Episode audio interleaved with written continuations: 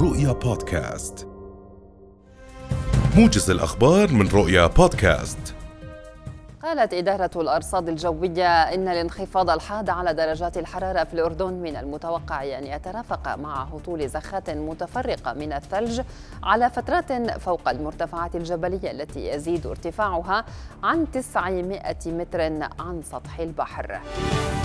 قرر وزير التربية والتعليم الدكتور وجيه عويس منح فرصة أخيرة للتسجيل في امتحان الثانوية العامة لعام 2022 للطلبة الراغبين في التقدم للامتحان ولم يتمكنوا من التسجيل في الموعد المحدد ولمدة يومين بدءا من صباح يوم غد الأربعاء وحتى مساء يوم الخميس. الوزارة أكدت أن الدفع الإلكتروني لا يزال متاحا للطلبة غير المستكملين وطلبة رفع المعدل الذين سجلوا إلكترونيا في الفترة الماضية ولم يستكملوا عملية الدفع. قرر محافظ الطفيلة الدكتور محمد أبو جاموس تعطيل الدوائر والمؤسسات الحكومية في المحافظة اليوم بسبب الأحوال الجوية السائدة. واستثنى أبو جاموس من القرار الدوائر والمؤسسات التي تقتضي طبيعة عملها الاستمرار بالدوام. وفي سياق متصل قررت جامعة مؤتة تعليق دوام الطلبة اليوم وتواصل التعليم عن بعد نظرا للظروف الجوية السائدة. قالت وزارة الأشغال العامة والإسكان إنه سيتم نثر الملح على الطرقات ضمن اختصاصاتها في حال تطلب الأمر لضمان عدم حدوث أي انزلاقات على الطرق. الوزارة حذرت في بيان اليوم سالكي الطريق الخارجية وتلك التي ضمن اختصاصها من تدني مدى الرؤية الأفقية بسبب الهطولات الكثيفة للأمطار والثلوج وتشكل الضباب تزامنا مع الظروف الجوية السائدة. يناقش مجلس الأعيان اليوم مشروع قانون الأحزاب السياسية لسنة 2021 وذلك بعد أن وافقت اللجنة القانونية في المجلس على المشروع الوارد من مجلس النواب باستثناء المادة 40 منح.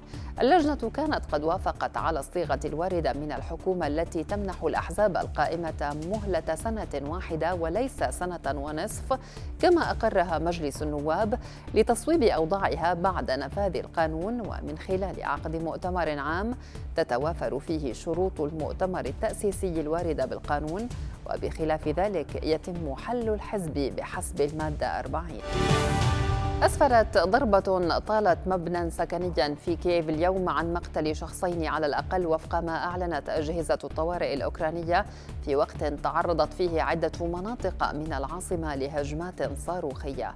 جهاز الطوارئ الأوكراني قال إنه عثر على جثتين وتم إنقاذ 27 شخصا آخرين.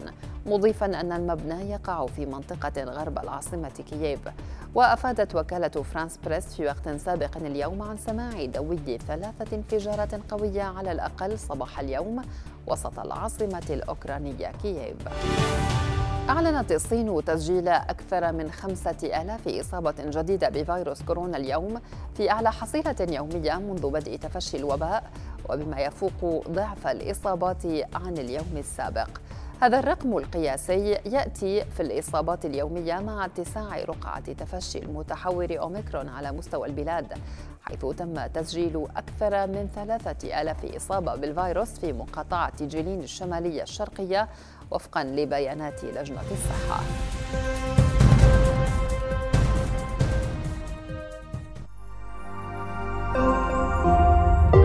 رؤيا بودكاست.